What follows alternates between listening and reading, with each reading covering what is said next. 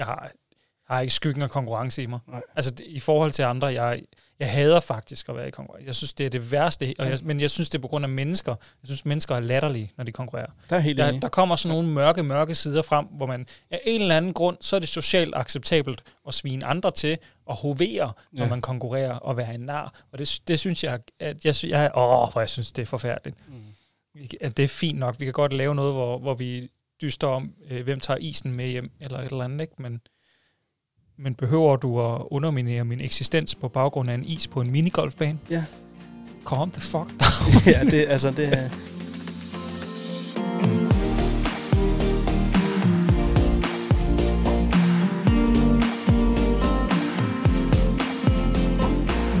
Velkommen til træningsteamen.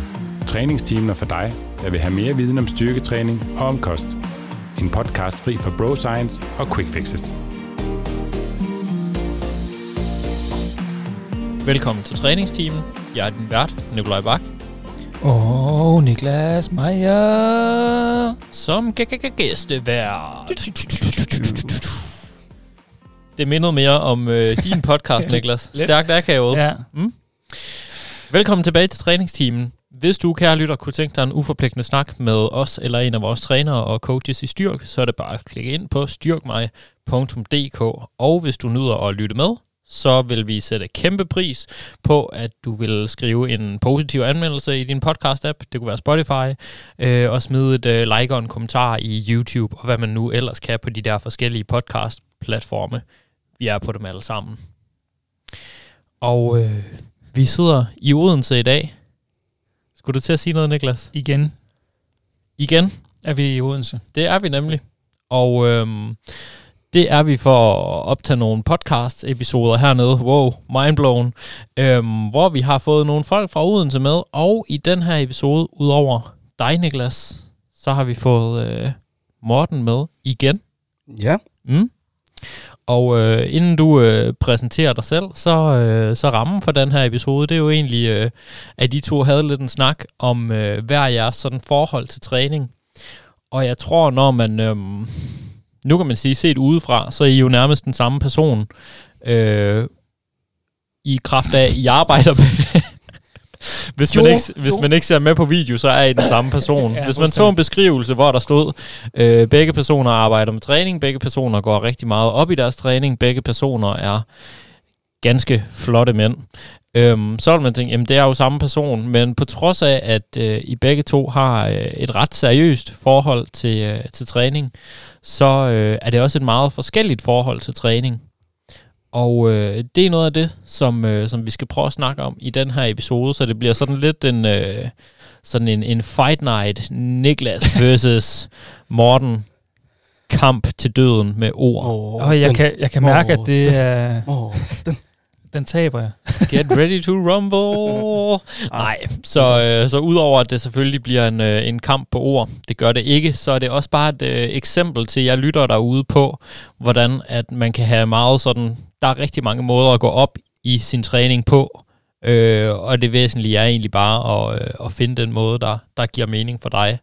Og øh, så kan det jo være, at man kan lade sig inspirere af nogle af de ting, man hører i dag, eller man kan spejle sig i noget af det og tænke, hey, det her det giver faktisk god mening, det er et øh, perspektiv, jeg vil huske at, øh, at tage med til min egen træning.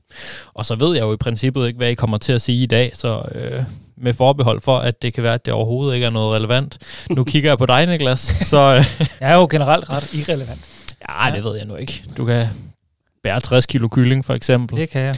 Øhm, så jo, jeg synes egentlig bare, at vi skal øh, lade det være en øh, åben snak, og så ser vi, øh, hvor lang tid det tager, og hvor det bærer os hen. Mm. Yes. Er I frisk på det? Sig. Så vi har sådan lidt øh, forskellige øh, talking points i forhold til øh, i forhold til hvordan især hver især ser på træning og hvordan I, I foretrækker og, øh, at træne. Så vi starter ud med noget øh, ganske blidt her. Skal jeg lige introducere mig selv? Ja, og øh, det ganske blide, jeg skulle til at øh, starte med, det var en øh, introduktion af dig, Morten. Okay. Så det må du meget gerne. Nå, jamen, jeg tænker bare, det var på sin plads. Smørstemmen. Jamen, det var det, og det var også det, jeg havde lagt op til. Men altså, nogle gange så... Øh, jeg ved jo, hvem du er, så Ja, og det det, det tænker jeg, alle andre også gør. Jamen, ligesom, øh, ligesom jeg, så arbejder jeg jo i Styrk som øh, personlig træner, og har snacks. Nej, lækkert. Tak for Fedt. det. Der kom, der kom lige... Der kom kage ind kage døren. ind det til bliver os. klippet ud. Eller sådan Nej, nej, det Nej, det beholder beholder vi. vi. Det beholder Er vi. Okay. Mens du, øh, Men mens du introducerer dig selv. Øh, der er jo video på den her, så jeg, jeg viser lige kagen til lytterne, mens du introducerer dig selv. Den ser flot ud.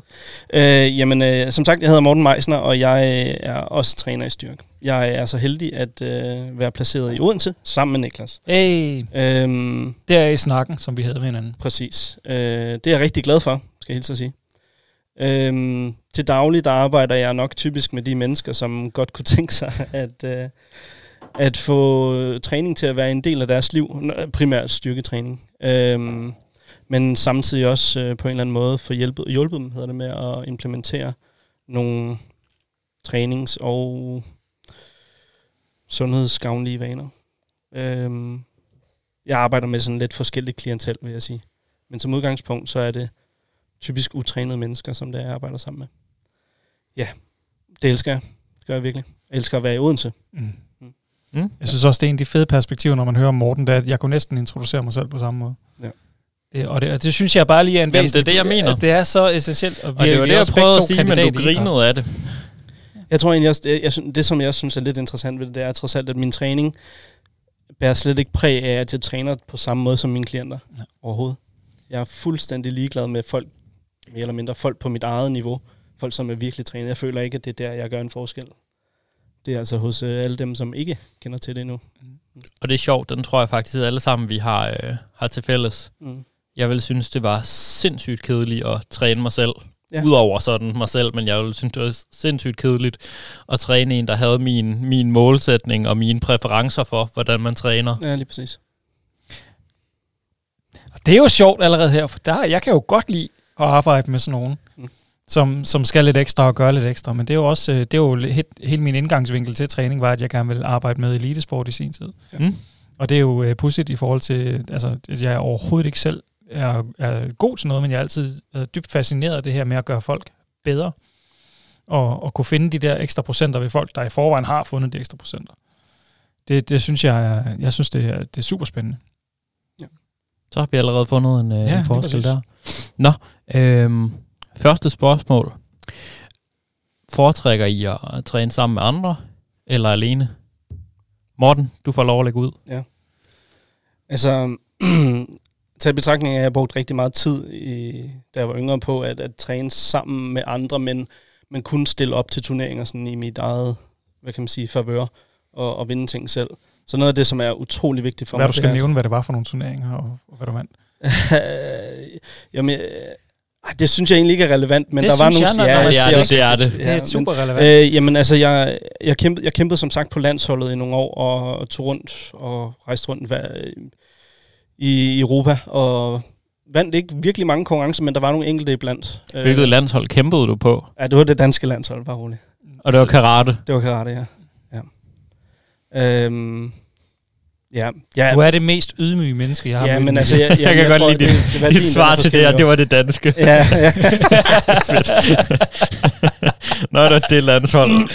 Makes sense. ja, nej, det er, sorry, den fangede røg lige over mig. Men øh, nok om det. Nok om det. Øh, træ, træning for mig især. Det, har meget, øh, det, det, blev, det blev en kæmpe ting for mig, da det var, at jeg kom til løfteriet dengang. Øh, sådan lige cirka der omkring, hvor Niklas han solgte det. Og oplevede, hvad det var, at det vil sige at, at træne øh, og lave en sportsgren eller motionsform, som er individuel, men som man gør sammen med andre. Øhm, og selvom jeg den dag i dag ikke træner sammen med nogen og laver det samme, så træner jeg altid samtidig med nogen, som, hvad kan man sige, enten laver noget helt andet. Og det øh, betyder bare, at jeg kan få nogle brøkdele af deres, øh, deres tid, når der jeg selv står og træner og har pause. Øhm, og det giver mig al energi i hele verden. Hvorfor gør det det? Hvad er det, du får ud af det? Jamen, øhm, jeg, jeg, tror egentlig, jeg tror egentlig, det er, at jeg kombinerer to ting. Jeg kombinerer noget træning, som jeg godt kan lide, og jeg kombinerer øh, det sammen med at snakke med nogle mennesker, som jeg godt kan lide, eller som har lyst til at snakke med mig, eller som jeg kan få lov til at høre noget omkring. Øh, og det, det, det, det, det driver mig. Det er det, der gør, at jeg kommer afsted, ned og træner, fordi at Jeg tror, at hvis, hvis jeg skulle gøre, ligesom jeg oplever Niklas træner, ved at han træner for sig selv, så ville jeg gå virkelig død i det, tror jeg.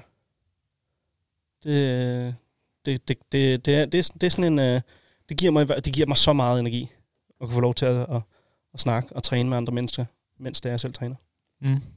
Så er du sådan en, øh, en, en snakkende type til træning. Ja, det er jeg. Altså, øh, og super type. svedende type også, ja. Su- super svedende. Super svedende også, Ja. Ja. Han er en, der spytter, fordi han snakker så meget sveder samtidig. Ja, men jeg render altid rundt med et håndklæde og tørrer ting og mig af med det håndklæde her. Ting og dig. Ja, jeg smitter med mit sved. øh, Det lyder lækkert. nej, så øh, ja, helt sikkert. Øj, jeg snakker nok for meget også nogle gange. Ja. Fordi det er ikke, fordi jeg træner særlig meget. altså, Du laver der noget. ja, noget laver jeg. Jeg har set, øh, du squatter Det gør jeg nogle på gange. Instagram. Men du har ikke sådan, øh, du har ikke det der sådan tidseffektive, for mest muligt lavet på kortest tid, eller? Nej, men det er der også, det er der også det er der lidt mere til. Altså en ting er, det, det, jeg prøver jo nok at kombinere to ting i en. Det er at være social i min hverdag, i stedet for at jeg skal træne og så efterfølgende være social. Går du til træning? Ja, ja jamen, jeg går vel til træning egentlig. Ja. Ja. Det er vel egentlig det, jeg gør. Mm. Det er jo altså, ligesom at gå til onsdagsbold eller sådan et eller andet Ja. stil. Så går jeg til træning.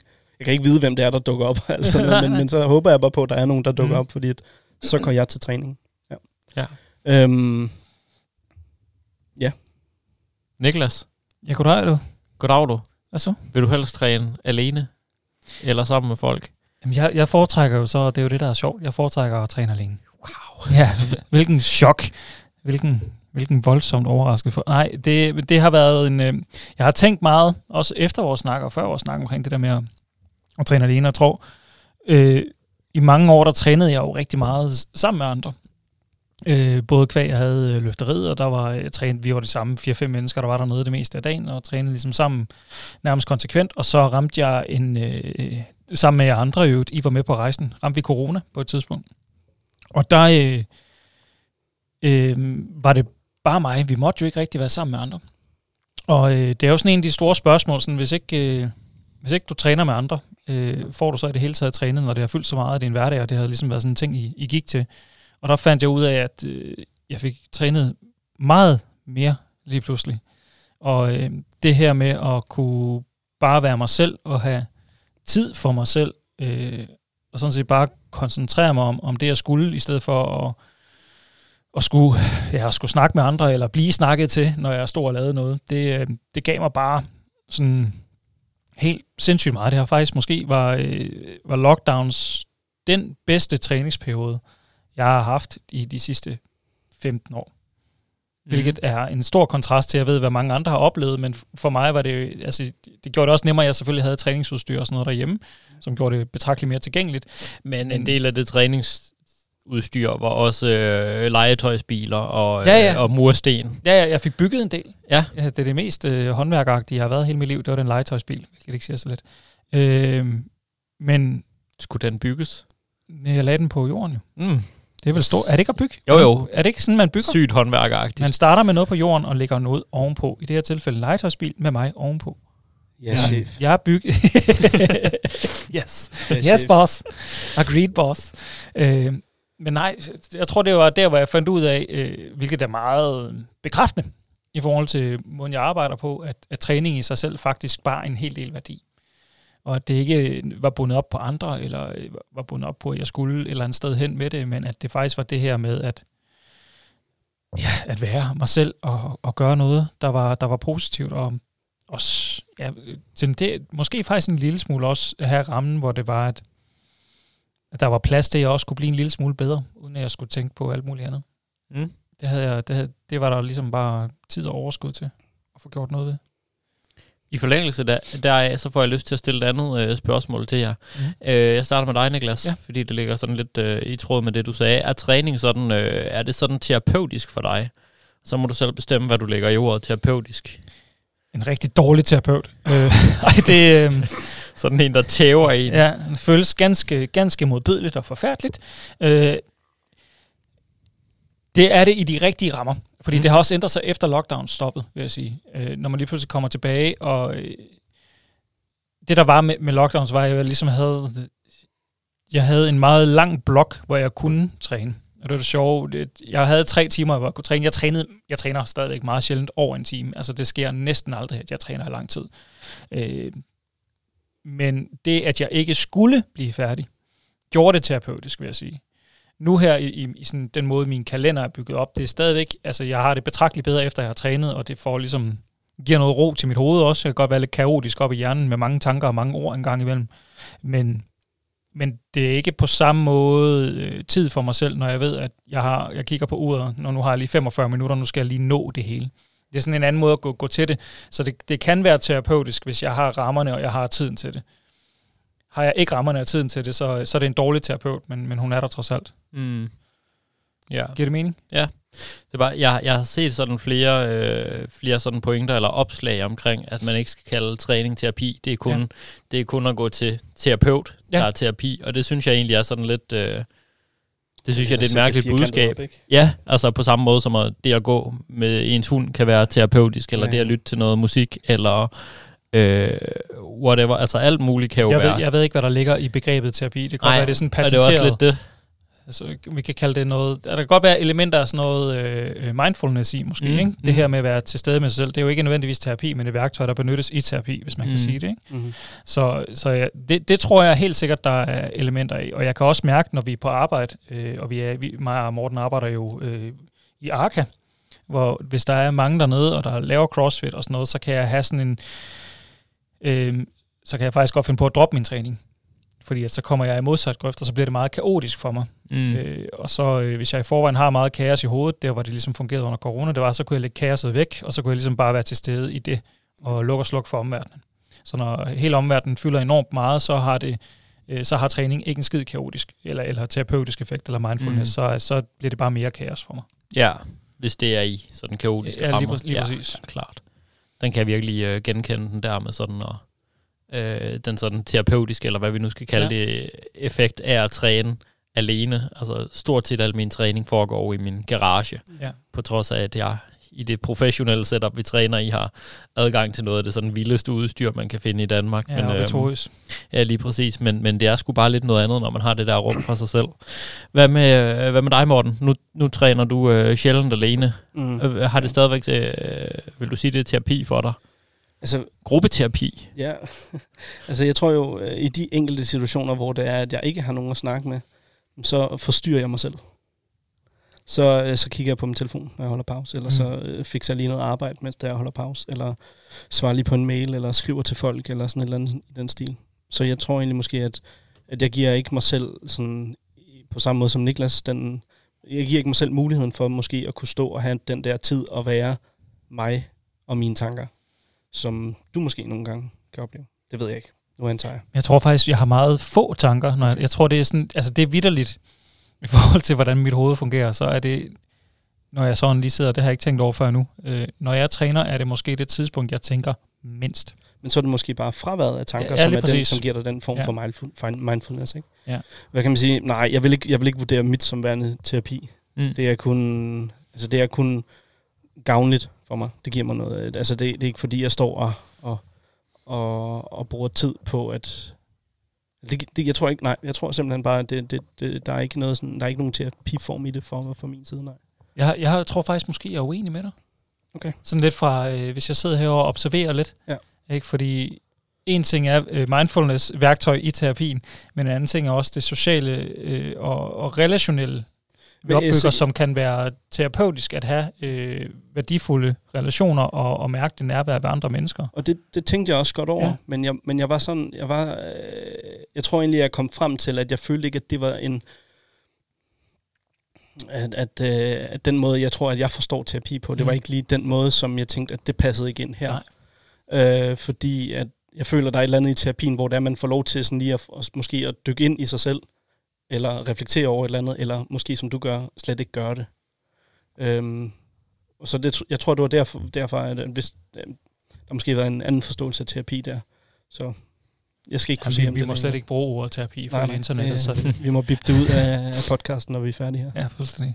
Øh, apropos øh, begreber, så kunne det også være, at vi lige sådan hurtigt skulle øh, sådan begrebsafklare mindfulness. Mm. Fordi jeg, jeg tror, der er mange, der tænker, når de hører ordet øh, mindfulness, så tænker de sådan yogamusik og mm. røgelsespind og meditation og sådan noget. Hvor at, at, at mindfulness helt kort er sådan, det er opmærksomhedstræning.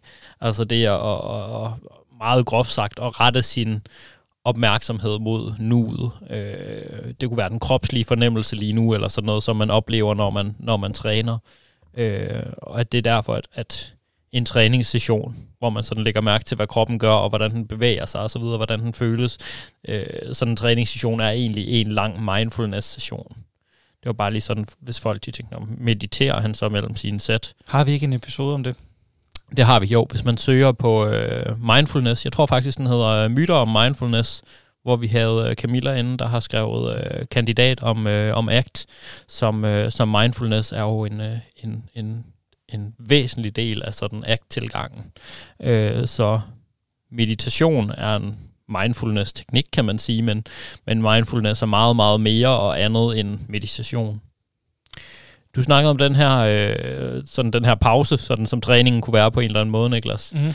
Øh, hvad så, når du sådan holder rigtig pause? Altså når du er på ferie, træner du så også? Ja.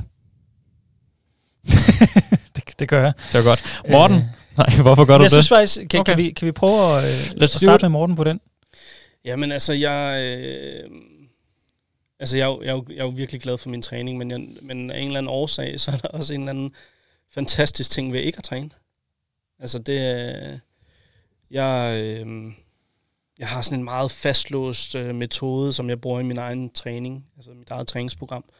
Og det resulterer i, at cirka hver syvende uge, så holder jeg en deload, og jeg elsker det. Jeg elsker det. Altså det, øh, det er bare fantastisk at kunne, øh, at kunne tage sådan en uge, hvor det er, at jeg, jeg får trænet, men jeg behøver ikke lægge tid, eller jeg behøver ikke lægge samme mængde tid og samme mængde energi i det.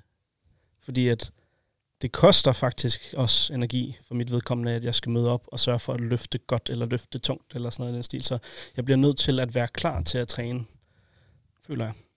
Øhm, og når jeg så holder ferie, så skrotter jeg det hele. ja. Øhm, men jeg tror, at, at det, det kommer an på så mange ting, tror jeg. Hvis det er, at man skal rejse et eller andet sted hen, så gider jeg ikke tage udstyr med. Eller, og hvis det er, at jeg ikke kan gøre det ordentligt, så gør jeg det slet ikke, tror jeg. Jeg tror, det er meget den indstilling, jeg har. At så kommer jeg et eller andet sted hen, og så finder, åh, oh, det er en eller anden skæv vækstang, eller en eller anden maskine, hvor jeg ikke kan få mm. noget stræk på, eller hvad ved jeg. Så, så gider jeg ikke. Nej. Det må godt være ordentligt. Så, så push-ups og Bulgarian split squats, det er ikke, øh, så kan det være lige meget? Det kommer aldrig til at ske. Okay. det kommer aldrig til at ske. Der ligger jeg bare og kører dem afsted på jorden. Ja. ja. Det er så vildt. Ja, Jamen, altså. det, øh, jeg tror også meget af det, det for mig øh, handler om, hvad, hvad træningen gør i, i mit hoved. Øh, og jeg ved, at hvis jeg er afsted på ferie, jeg er afsted, jeg har øh, to børn og en kone, og, øh, og jeg kan blive sådan helt monster restløs i kroppen. Altså det er sådan en underlig følelse, der, der er svær at beskrive, men jeg kan, altså, som, hvis man har set nogle af de der klip fra gamle zoologiske haver af dyr, der er indespærret for længe, som bare løber rundt i cirkler, ikke? Og, er, og er dybt irriterende og sådan lidt aggressiv og vred og frustreret. Og det, og det, altså, det kan godt, når jeg sådan hører mig selv fortælle det, lyder lidt som sådan noget træningsafhængighed. Men det er det ikke, fordi en god tur er også rigeligt. Altså det, det er bare det der med at lave et eller andet, hvor jeg lige får pulsen op, og det kan tage 10 minutter, det kan tage øh, 20 minutter, det kan tage en time. Det, er sådan, det gør bare lige, at jeg har ro resten af dagen. Så det er næsten sådan et ritual på en eller anden ja, måde? Men, jamen det er det. Altså, og, og jeg kan, jeg kan det føles nogle gange som at have, have sådan helt øh, øh, bier i, i kroppen og i, i hovedet, hvis det er, at, at jeg ikke får lov at bruge kroppen i, i lange perioder. Mm. Øh, så jeg ved, at, at for mig, for at jeg kan slappe af, så har jeg brug for ikke at slappe af. Mm. Altså, og det behøver vidderligt ikke fylde meget, men det gør, at jeg er på ferie, og det er også, vi har snakket meget om det derhjemme, altså sådan, at øh, min kone kan også mærke det, hvis det er, der lige har været, vi skal nogle ting i to-tre dage, og, og så bliver jeg sådan helt, øh, så kommer bierne frem, ikke? Bliver jeg sådan lidt, lidt restløs og lidt ængstelig og, og lidt frustreret. Og, og så prøv lige at løbe en tur, og så kommer jeg hjem, og så er jeg bare sådan, så er jeg far igen, ikke? Mm. Så øh, hvis det er, at jeg skal have en rigtig god ferie, og, og jeg skal fungere på den ferie, og, og vi skal have det godt sammen, jamen så i det øjeblik, jeg har lavet noget, en lille smule om morgenen, øh, jamen så er, jeg, så er jeg mere til stede. resten af dagen. Jeg, jeg fungerer bedre, og jeg kan, jeg kan lege med børn, og det, jeg er på ingen måde mere træt eller noget som helst. Jeg har faktisk måske mere energi, fordi at det bare lige trykker på sådan en knap. Sådan, nu er jeg her. Ja. Og så, så kan jeg slappe af. Ja. Jeg, skal, jeg er nødt til at bevæge mig rigtig meget for at ligge helt stille. Man kan blive sådan helt resettet af det på en eller anden Ja, måde. det er sådan Altså, en, hvis jeg bare sådan vågner op og bare sådan, åh, jeg ved, når man sådan virkelig har fået det forkerte ben ud af Ja, sengen, og sådan, øh, er sådan lidt et røvhul og sådan øh, irriterende Ja. og irriteret, så, så skal jeg lige en tur i garagen. Nå, okay. Så, er det lige, så blev tingene lige sådan det er jo meget det, som jeg også tænker, resettet. mange af vores klienter kommer til os for, ikke? når mm. vi arbejder med dem. Der, fuck, jeg har en lortedag. Skal vi prøve at lave noget? Ja, lad os gøre det. Ja. Og så går de herfra, nu har jeg det meget bedre. Ja. Ikke? Jeg tror bare, øh, det, og, det, og det kan, noget- altså jeg, ved- jeg ved jo reelt set ikke, hvor meget af det, der er, der er tillært. Altså, at jeg har gjort trænet øh, i så mange år, så kontinuerligt, at det føles som om, jeg mangler noget, Mm. eller om det giver mig noget, når jeg så gør det. Det ved jeg ikke. Mm. Altså, jeg kan ikke finde den øh, afbalance, men jeg tænker ikke, det skader noget. Altså man kan sige, hvis man ser rent videnskabeligt på det, hvad vi ved, at sådan træning gør i forhold til... Øhm, Jeg fik lige den sygeste krampe i baglåret der. okay, det, det kan man øh, nyde på, øh, på YouTube. Du er sådan da lidt skvat. så Ja, sådan, ja. Det er fordi, jeg træner på min ferie. Ja. det Men kan være, skulle slappe lidt af.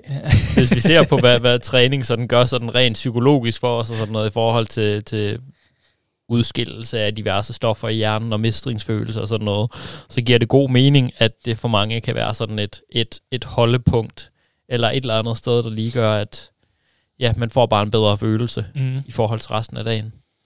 Men jeg tror også, altså, når jeg laver det der skift til ferie, der er jo ikke, i forhold til Morten, som, det er jo en stor kontrast, ikke, når man øh, squatter så meget, øh, som du gør. Det ved folk ikke. Hvor meget, du, hvor meget kan du squatte? Jeg er jo, på, jeg er jo lidt på vej tilbage, men jeg har øhm, Øhm, 52. 52, ikke? Bare lige for at få sådan en, en kontrast til, når man så tager på ferie, skal der fucker med meget split squat for at kompensere for Ja, 250 kilo back squat. Hvor jeg, altså, jeg er jo, der er jo ikke den store forskel for mig, hvordan jeg træner på ferie til, hvordan jeg træner. Jo, øh, kan godt være, at håndvægtene bliver lidt mindre og sådan nogle ting, men som udgangspunkt, så øh, gennem min træning er jo optimeret, har jeg lyst til at kalde det, til at fylde 3 kvarter 50 minutter. Ikke? Så jeg, jeg moser relativt meget på, laver nogle simple øvelser, så jeg videre. Så der skal ikke så meget til for mig, og jeg føler heller ikke, når jeg kommer tilbage, så er det godt, at jeg ikke kan løfte det samme, men det gør mig heller ikke noget, der lige går et par uger, fordi så betyder det ikke mere. Jeg skal nok komme derop igen. Ja. Hvor det er, at hvis du gør det, der er fandme langt op til 250, hvis det er, man så er der. Altså, hvis, hvis man føler, at man kompenserer, så kan det måske et eller andet sted være bedre for dit hoved og for din krop, bare at trække stikket helt. Altså, det, det er jo sådan, jeg oplever det. Ja. Det, er, sådan, det er jo... Det, det er jo også... Altså, det er, jo, det er jo lidt at møde ind på arbejde, det skulle jeg til at sige, Ja. ja. når det er, så man på. Nu bliver jeg lige nødt til at tage mig sammen. Hvis det er, jeg skal gøre det jeg skal løfte den her, så bliver jeg nødt til at gøre det ordentligt. Mm. Øhm, så jeg kan ikke bare møde op og så bare have sovet dårligt, eller været lidt sløj, eller sådan noget i den stil. I hvert fald, hvis det er, jeg skal have det mest optimalt. Der er jo nogle af de dage, selvfølgelig er der det. Og så prøver man lige, og så har man måske nogle metoder til at takle det, ikke sandt? Mm. Hvordan har du det med at fortælle om sådan dine bedrifter? Det gør jeg ikke. Nej, det, kunne- jeg, jeg, jeg havde sådan en halv fornemmelse af, at da Niklas han spurgte sådan, hvor meget squatter du, så ville du være sådan, Nå, men det var i Danmark, jeg gjorde det. ja, men det, altså det, det, altså det, det, det har du fuldstændig ret i. Altså Ja. ja. det, øh, jeg anser mig ikke som værende noget exceptionelt. Det gør jeg ikke. Okay. Altså jeg er mig. Der er ikke flere af mig, men øh, Men det er sjovt i forhold til også, hvor vigtigt det er for dig at have noget at træne op til. mm, ja, ja. At det er bare sådan, det, det, jeg synes, det er en, det er en Jeg vil måske gerne være det. ja, Jeg vil måske gerne være det. der er sådan en Og kontrast. det, er der, og det er måske der, problemet ligger. Ja. Fordi jeg vil gerne være det, men anser mig ikke mig selv som værende det. Ja, fordi noget af det, jeg, jeg havde, jeg gerne ville spørge ind til, hvis folk de undrer sig over, at jeg lige har telefonen op en gang imellem, så er det ikke fordi, jeg tjekker uh, Instagram eller sådan noget, så er det fordi, jeg har vores uh, talking points derpå. Øhm, noget af det, jeg gerne vil, vil spørge til, det var ligesom det her med sådan at have en målsætning med sin træning. Øh, om, om I havde det, eller det mere var sådan ren lolcat-træning på en eller anden måde. Men du har tydeligvis en målsætning. Ja, det har til. jeg. Og jeg er ikke Ja. sikker på, at jeg tør sige det. Fordi så bliver jeg også nødt til at gøre det jo. Vi og spise. Ja, det er også rigtigt. jeg havde lige glemt den. Niklas, Niklas Du kan, du kan få lov at sige målsætningen, og hvis du så efter podcasten ikke har lyst til at sige det alligevel, ja, så så kan vi lægge en bibel ind over. jeg, øh, Safe space. Jeg kunne godt tænke mig at score 300 kilo. Det kunne jeg godt. Og jeg tror også, det er realistisk inden for de næste sådan 5-6 år. Mm. Hvis jeg kan... 5-6 måneder, hvis du kommer i gang. Ja, hvis jeg kommer ordentligt i gang, så, ja. så kan det godt gå ret hurtigt. Ja. Øh, og så har Niklas så tilføjet, at hvis jeg skvatter 300 kilo inden Daniel Rigsgaard, så tager han mig med ud og spise på MASH. så øh, Sådan. skud ud til den. Skud. Ja, det er rigtigt, skal man huske at sige i podcast i dag. Det er sådan noget, man gør. Ja. Øh, nu må vi lige se, hvordan det går. Øh, jeg, Så det er ligesom der, hvor det, det, det er godt nok, eller hvordan tænker du? Det skulle, altså jeg skal være helt ærlig at sige, at det skulle fandme ikke undre mig, at hvis det er, det går godt, og det ikke var besværligt, watch me go. Altså, så, Mm. så gi- gik jeg nok ikke, jeg stopper nok ikke der, hvis det er. Altså det, som sagt, altså det er meget, det er meget, det er meget drevet af målet. Og hvis det er, at der ikke er det, så er det et eller andet andet. Så nu må vi se. Mm. Altså det, det skulle, jeg, jeg prøver lidt at sige til mig selv, Morten, det var det. Men der er altid sådan en lille satan, der sidder i mig og siger sådan, hvem prøver du at narre? Men det er sjovt, fordi der er jo, ikke, der er jo slet ikke sådan samme, øh, samme vinkel, eller hvad man nu skal sige, i forhold til dine klienter. Nej. Altså, det er jo ikke sådan, at der er noget forventningspres der, eller Overhovedet ikke. hvis du ikke løfter så meget her, så er, du, altså, så er det ikke godt nok, agtigt. Tværtimod. Jeg tror, jeg tror, at mange af mine klienter, de kan skrive under på, at uagtet hvad det er, de gør, så vil jeg altid stå der og rose dem. Altså det, det, det, ja, det, jeg tror bare, det er sådan, jeg er. Altså sådan i forhold til de mennesker, som det er, jeg arbejder med. Hvad fanden vil du have det, hvis der kommer en ind, egentlig, som, som havde det ligesom dig? Altså, så vil jeg, jeg tror, jeg vil skulle, jeg tror, jeg vil skulle gribe, altså sådan, øh, gribe det lidt anderledes an. Ja. Som det, ald, altså, det aldrig vil være godt nok. Jeg har, jeg, har, jeg har faktisk en enkelt klient nu her, som aldrig sådan rigtig er tilfreds. Men, øh, men det er ligesom om, at hvis det er, at man begynder sådan at gentage tingene undervejs, så kan, så kan personen godt sådan se, okay, ved du hvad, det, jeg mødte op i dag, det var lort. Jeg fik et kilo mere. Det var godt. Ja. Altså sådan, fordi at det glemmer jeg lidt at sige til mig selv nogle gange også. Så øh, jeg tror ikke, at det ikke, hvis der kom en på samme måde, så ville det nok være lidt sværere for mig sådan at finde de der ting, som jeg lige skulle snakke med personen om, og de der synspunkter. Men øh, jeg tror ikke, at det er umuligt. Jeg tror godt, jeg vil kunne grave et eller andet frem. Det, jeg roser. Mm. Det jeg har ikke for at gøre livet sværere for folk. Kun for dig selv. Kun for mig selv. Ja. det, den, den, den må jeg godt tage på min egen Ja. kap. Men, men det er jo det sjove ved det, at, at der er så mange af vores trænere, der selv har personlige trænere, simpelthen fordi det der med sådan at være, være objektiv i forhold Ja. ja. til sig selv, er bare enormt svært. Mm. Vi er vores, selv, vores egen værste fjende, ikke? Mm. Jeg tror, altså det er også sådan lidt, når du har de der, de der store, forkromede øh, målsætninger. Vi har snakket om det også i forhold til dit squat. Ja. Der er sådan en pusseløjelig tendens, når det endelig går opad. Så hakker du lige sådan en, så kommer håndbremsen lige, så får du lige en lille skavank, eller ja. Præcis. kommer til at drikke et glas mælk og dør i en Ja. uge, ikke? eller sådan noget, ikke? Ved et uheld, da du faldt over det der glas mælk. All of a sudden. Ja. For, for kontekst, så er Morten laktoseintolerant. ja, det er præcis. Det er derfor, han falder over glas hele tiden med Ja. mælk i. Fuldstændig. Når han kommer på huden, så begynder han at hæve, og så boblerne. Det er Åh, sådan, det nej. virker, ikke? Ja. Nej, men altså, det, det er også en af de ting, vi har talt om, at sådan, når du ikke kan squat, hvad så? Ja, hvem er jeg? Hvem er du overhovedet? Ja, det, jeg tror, at de, de perioder, hvor det er, at, at jeg har haft det dårligste, har været i perioder, hvor jeg ikke har kunnet squat. Ja.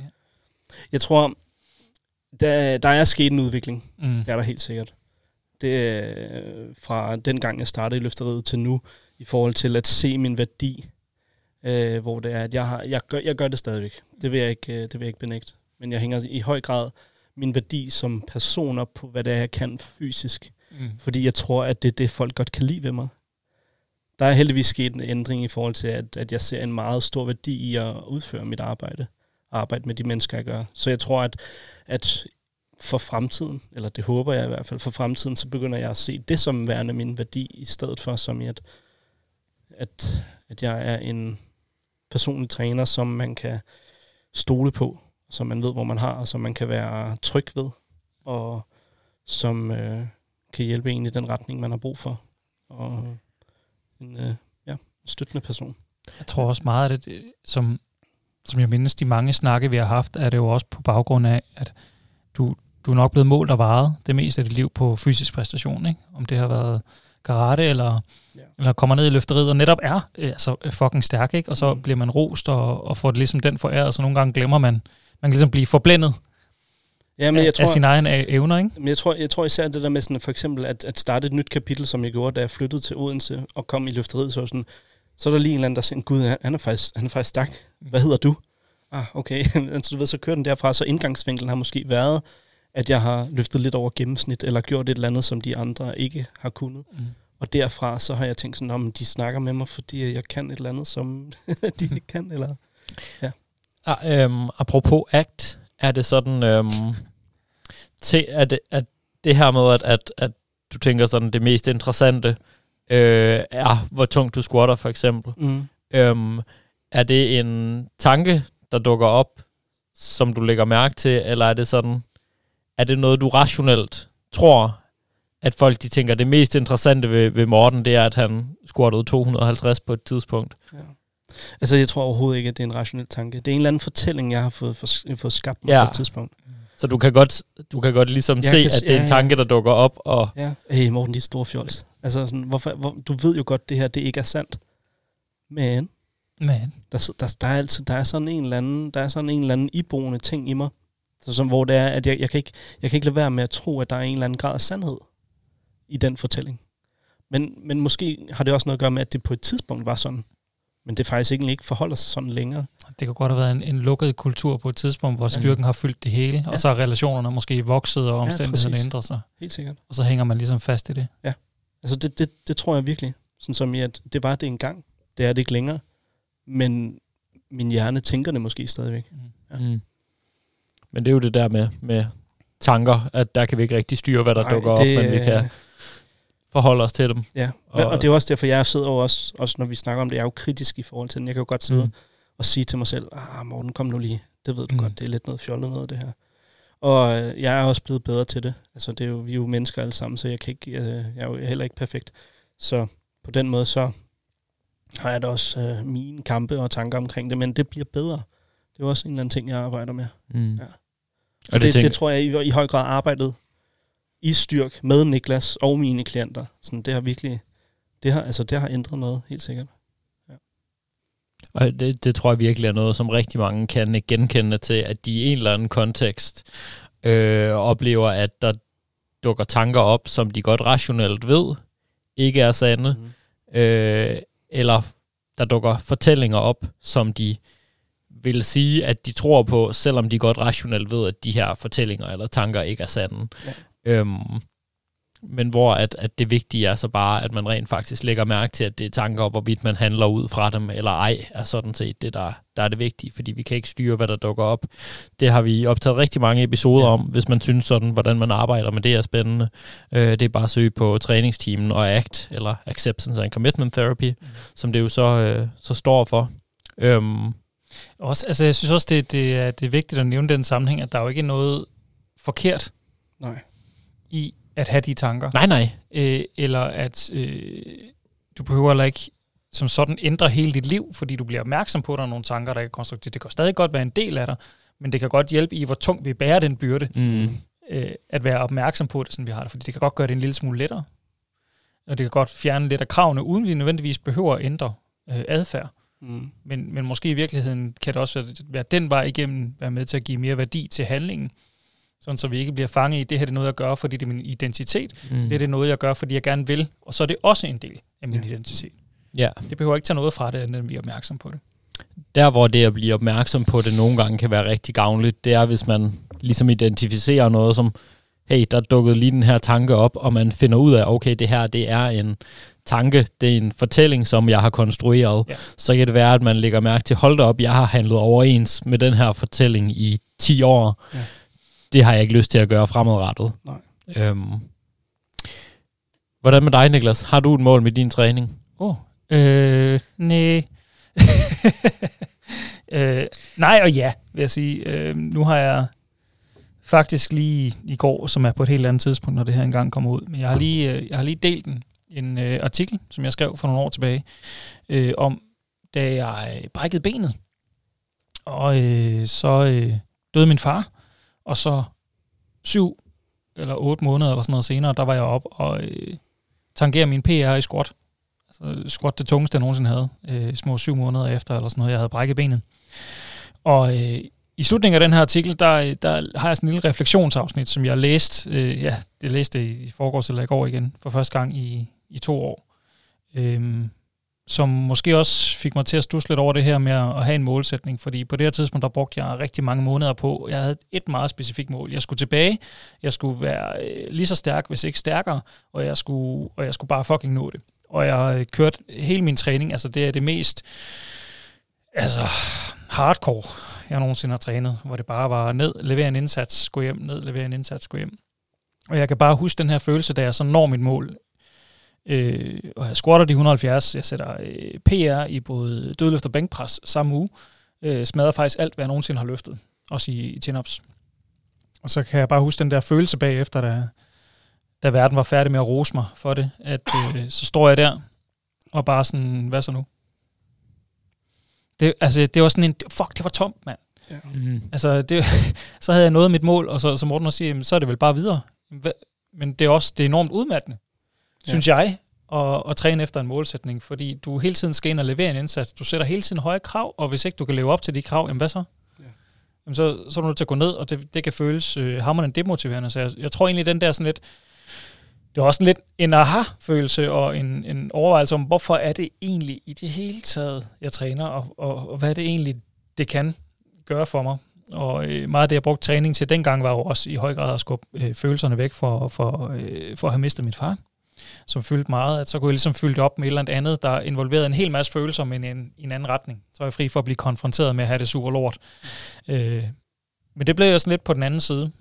Og så er det, så tror jeg, at siden da har det været øh, målløst at træne. Hvor det er, at træning for mig nu handler om at have det godt. Sådan overordnet set. Det er det store forkromede mål. Det er, det, jeg, jeg skal have det godt, og jeg skal have det bedre. Og netop også det her, fordi træning kan for mig øh, både være sådan en akut knap, jeg kan trykke på, jeg ved, når jeg har trænet, så har jeg det bedre bagefter. Ikke? Og jeg kan vågne, jeg kan være træt, og jeg kan have en lortedag, men hvis det er ligesom har omstændighederne til det, så er målet i sig selv for den træning, jeg skal ud på den anden side, fordi jeg ved, det virker. Ja. Øh, det kan være sådan et, øh, sådan et øh, flyvsk, hovske, snorske, langsigtet mål med, jeg ved også, at hvis jeg træner, så rent logisk, så kan jeg mere. Jeg kan være mere til stede for mine børn, jeg har mere energi, jeg er øh, stærkere. Noget af det, vi også snakkede med Christian Bradsted om, og, og, og Gorm, i forhold til både, jeg er mere til stede, og, og et forbillede for mine børn. Øh, jeg også øh, bygger ligesom på den her legendariske fysiologiske pensionsopsparing. Øh, sådan så jeg ved, at jeg bygger på over lang sigt. Så det har både sådan et akut format, og det har et langsigtet format, og, og så jo, så gør jeg jo det, som alle trænere gør. Jeg noterer min træning ned, og så prøver jeg gradvist at blive stærkere. Men jeg ved jo også, at på et eller andet tidspunkt, så får jeg influenza, og det er den legendariske manfluenza, hvor man er døden nær i tre uger, og så rejser man sig op en dag og har det okay igen. Og så er træningen lort, og så bliver man lige sat sådan et halvt år tilbage. Det føles som et halvt år, ikke? Ja. Så jeg ved jo også, at det går op og ned hele tiden. Så jeg tror, jeg har affundet mig med, især efter den periode, hvor jeg ligesom trænede så hardcore op efter et mål, at jeg, jeg, det er ikke godt for mig, et eller andet sted at have et mål. Mm. Fordi, og det virker mærkeligt, øh, men følelsen af at nå målet er enormt tomt. Altså, jeg, jeg tror virkelig, jeg havde sat det op, og det var jo pissefedt på dagen. Øh, der findes et videoklip af mig, øh, hvor jeg laver det her squat, hvor jeg sådan, altså jeg nærmest jeg ryster, jeg kan slet ikke styre min krop bagefter, fordi jeg fucking gjorde det. jeg kan lægge det ind over. Ja, altså det, altså det, det er så, det var en meget intensiv, jeg kan nærmest huske, altså jeg husker uh, Christian Luno, han grinede af mig, fordi jeg så sådan helt, altså sådan cerebral parese ud i min krop, fordi jeg var sådan helt, alt stivnet bare til, og var sådan, jeg vidste ikke, hvad jeg skulle gøre mig selv. Og så går der bare sådan en uge, og så er det bare, bare tomt. Mm. Det, var, det var så kortvarig en glæde. Det er det samme, de der øh, sådan post-competition blues, ja. som atleter de snakker om dagen efter øh, en eller anden konkurrence, eller bare øh, dagen efter en eller anden stor dag, eller sådan noget, en eller anden begivenhed, eller sådan. Jeg tror, det, øh, jeg tror mange kan genkende den der sådan tomhedsfølelse, sådan, ja. nå, hvad, hvad så nu på en eller anden måde? øhm, men jeg synes jo, det, det er interessant, du siger, at din træning er ligesom målløs nu, fordi det lyder overhovedet ikke, som om den er nej, formålsløs. Nej, det, og der, der er jo en kæmpe... Jeg har faktisk jeg har et note på min telefon om at skrive, på for, skrive om forskel mellem mål og formål. Mm. Fordi jeg har sat med mange formål med min træning. Ja. men det tjener... Det er jo et, et så stort aspekt af mit liv. At jeg, jeg kunne ikke forestille mig at slippe det, fordi jeg kunne slet ikke forestille mig mit liv uden træning. Det er jo ikke bare handlingen i sig selv, det at træne den vil mangle, som jo på mange måder er en hobby, ligesom nogle mennesker maler. Øh, men det er jo også bare, hvad det vil gøre ved, øh, ved min krop. Altså tanken om ikke at kunne de ting, jeg kan. Det er ganske forfærdeligt. Men der er også det der med, når det ligesom er, er formål kontra mål, ja. vi går efter. Jeg ved ikke, hvorfor det her det skal være en akt-episode. Det er det nu. Men det der med, at formålene kan du blive ved med at bevæge dig i retning af, hvor et, et, et mål vil ligesom være noget, du opnår. Og så, Eller ikke når, opnår. Det var det, ja, eller ikke opnår, og så skal man deal med det. Øhm, men der er i hvert fald tomrum på den anden side af det lige meget hvad, hvor Ja. at, at, at din træning kan blive ved med at tjene et formål, og du kan blive ved med at bevæge dig i den retning. Ja. Men det er også det, jeg synes, jeg synes, det er fantastisk. Altså, jeg vil, jeg vil jo ønske, at jeg kunne gøre det, som jeg nu gør, af, af sådan en indre, indre motivation omkring, at jeg gør det, fordi jeg synes, det er sjovt. Men jeg, jeg, gør, det jo, jeg gør det jo, fordi jeg har et mål. Og, Øhm. men, men det er jo heller ikke nødvendigvis forkert, Nej, nej. som jeg ser Men, det. men jeg Altså, tror, det, men jeg, jeg, kan godt, jeg kan godt se, jeg kan se, se, se den der værdi i det. Fordi at, at øh, jeg tror, at det det med, sådan, at styrketræning, det er et mål til at opnå noget. Ja. Det er det, jeg laver. Men, men det kunne være alt muligt andet. Og stadigvæk ikke være det, som jeg sådan egentlig synes er det sjove i det, eller sådan, at jeg gør det, fordi jeg synes, det er sjovt. Så jeg tror, der er også sådan en lille frygt i mig, som på et eller andet tidspunkt sådan gør sådan, "Nå, men nu er der ikke rigtig noget, jeg gider. Hvad så, Øh, så vil jeg faktisk være urolig, for vil jeg stoppe med at træne, så jeg tror ikke, det bliver så gralt, men der er sådan en tanke, jeg har haft, sådan om, hvad så nu? Skal jeg, skal jeg så også løbe? I completed training. Skal jeg så også løbe?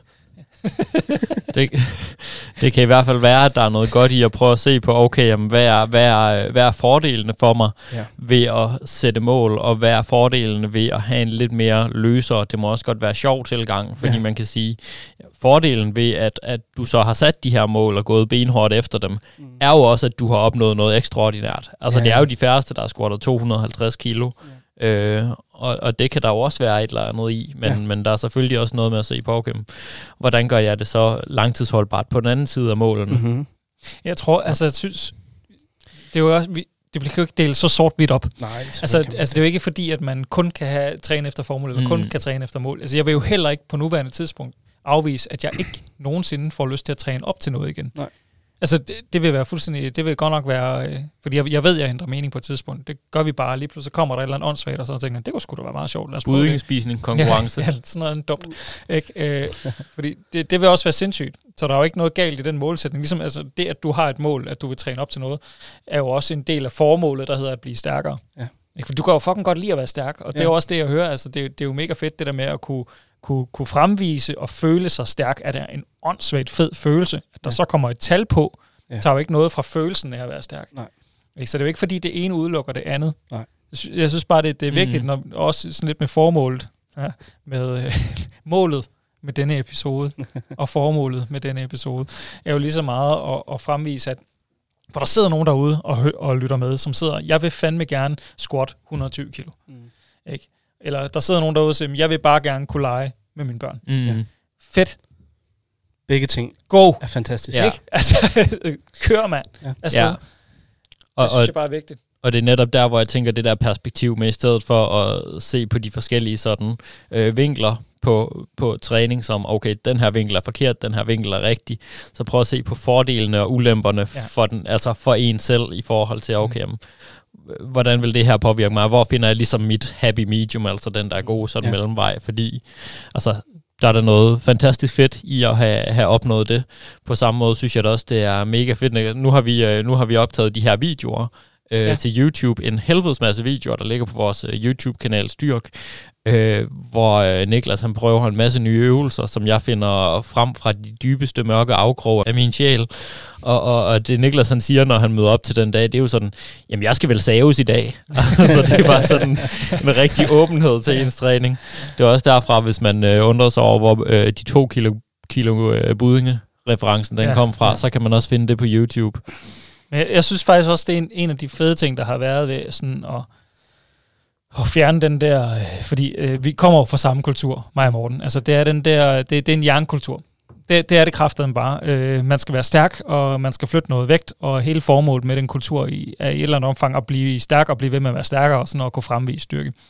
Og det, og, det, og det bliver sgu sådan lidt, det kan godt blive firkantet nogle gange at være i. Så jeg tror for, for mig, altså hvis jeg skal tage noget positivt ud af den tomhed, der mødte mig på den anden side, så er det jo også lige så meget netop det der med at kunne sige, fint, nu tager jeg på ferie, så nu gør jeg bare noget.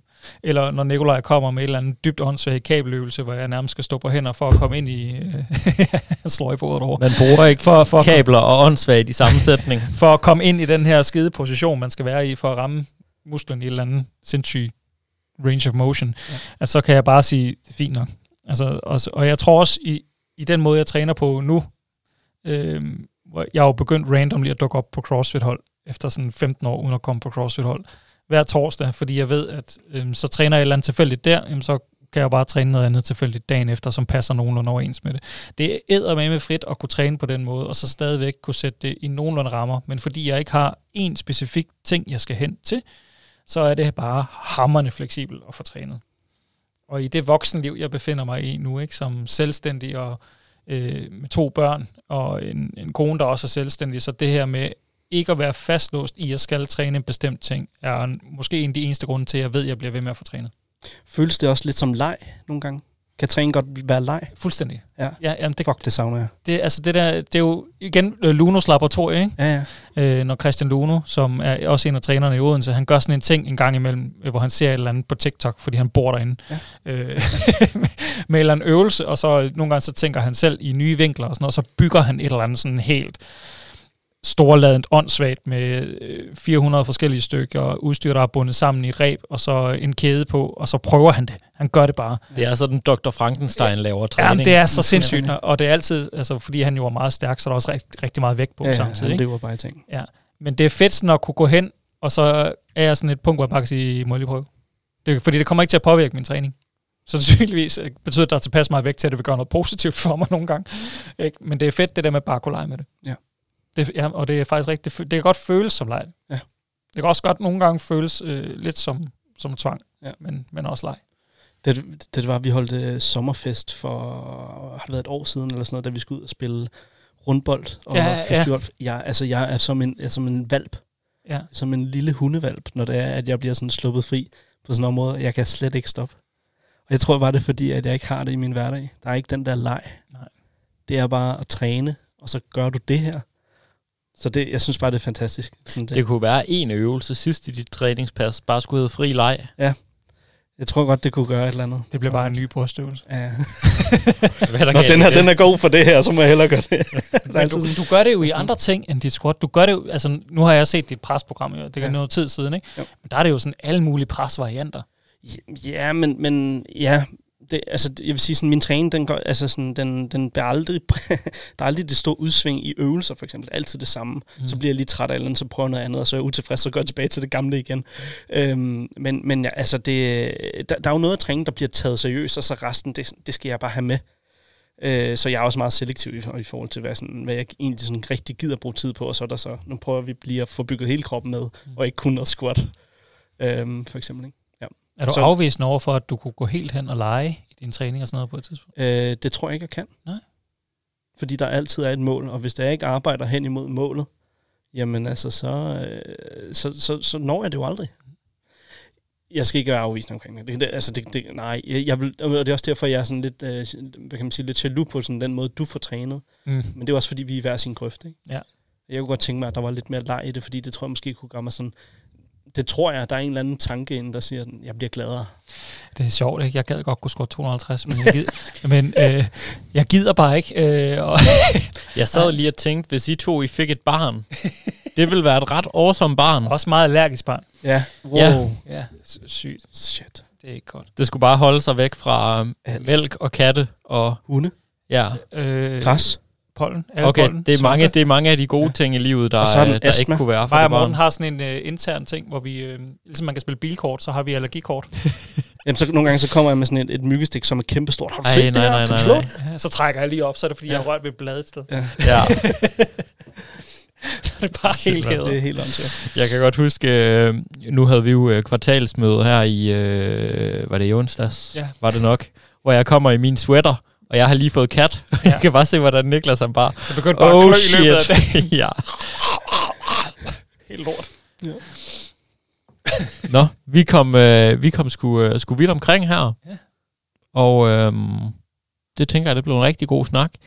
Med, øh, med en masse forskellige sådan perspektiver, og jeg tænker, at nogle af lytterne kan genkende sig i nogle af dem, og, og andre kan det være, at man tænker, hold da op, det der, det er overhovedet ikke mig. Og det er jo det fede ved det, at, øh, at man kan gå til træning på rigtig mange måder, og det er ikke øh, nødvendigvis fordi, at der er nogen af dem, der er forkerte. Det er bare om at, bare i gåsøjen, om at, at finde den vej, der ligesom øh, passer bedst til en. Ja. Morten, hvis man kunne tænke sig øh, verdens rareste og krammevenlige øh, træner, nu ved jeg ikke, om øh, du er krammevenlig, det har jeg hermed, øh, det har jeg hermed solgt som, så det er sådan, det er. Det er Øhm, I, øh, siger Niklas, øhm, i øh, verdens mest krammevenlige træner i Odense, som er i Danmark. Hvordan, øh, hvordan får man så øh, hvordan får man fat på dig? Jamen, øhm, man kan selvfølgelig henvende sig på styrkmig.dk Mm. inde på kontaktformularen, eller så kan man skrive til mig på morten styrkmig.dk og så kan man også finde mig på Instagram. Jeg hedder bare Morten Meisner øh, derinde. Og ja, jeg svarer altid. Svarer altid. Det gør han. Sådan. Det er mere end hvad jeg kan sige om min Instagram. Jeg prøver. Øhm, og styrkmig.dk er i øvrigt også der, hvor man kan klikke ind på, hvis man kunne tænke sig en snak om forløb i styrke i det hele taget. Nu er vi jo, øh, apropos Danmark, landsdækkende. Så vi er i Odense, Aalborg, Aarhus, Randers, København. Vi er over det hele. Det er vi faktisk. Så øh, skriv til os, hvis det kunne være øh, interessant. Jeg kan simpelthen ikke glemme, at jeg bare misforstod det spørgsmål, som om jeg, altså, at, altså, jeg ved ikke, hvorfor jeg tænkte, at der, jeg kunne have været en anden nationalitet. Jeg, jeg, føler, det var fordi, jeg føler, det var fordi, at du ikke havde lyst til at sige, at du var mega god til karate. Nå, det jamen altså, det, det havde jeg jo heller ikke. Hvilket Men- land så? Nej. Det danske. Det er dansk. Åh, Nå, Niklas, har du noget, du vil have med på falderæbet? Øh, Se vores YouTube-videoer, de er for fede. Hvordan vil du gerne have din træning se ud for fremtiden? Hvad, hvad, eller hvad håber du på, at din træning den, enten bliver den ved med at være det samme, eller er noget du mere andet, du vil gøre? Jeg tror, det er jo faktisk lidt det, jeg også tænkte i forhold til det her med, med at have en, øh, en målsætning, at jeg er sådan rimelig large med det. Altså, det, altså jeg kunne sagtens, jeg kunne vidderligt godt forestille mig, at jeg en eller anden dag bare kigger på det der skide 170 kilo squat og tænker, det kunne jeg godt tænke mig at slå. Ja. Og så vil jeg arbejde hen mod det. Ja. Det kunne jeg sagtens forestille mig. Men, men jeg tror også, jeg vil have en, øh, en intern forventningsafstemning om, når jeg kommer ud på den anden side, så er det tilbage til, til landsbyen Ja. og de dybe split squats. Altså det er... Du vil gerne sige noget? Det, det kunne også være hack squats. Så kunne vi have sådan en intern konkurrence. det har, det vi har vi ikke. ikke i Odense. Det, nej, det kommer lige til at, til at tænke på faktisk. Hvordan med, øh, nu har vi snakket sådan individuelle målsætninger og sådan noget. Hvordan med at konkurrere i forhold til andre? Åh, oh, Åh, nej, det gør jeg ikke. Det er mig. Altså. Altså, Jeg har- og så, så, så Daniel Riskov ikke på det. ja, Ja, ja, Det, men det er så, fordi der er en mash på bordet. ja det, det, det, Det ændrer jo reglerne fuldstændig. Men, ja, altså, jeg, jeg, jeg, det, det, det er for min egen skyld. Mm. Men det er jo for at imponere. ja.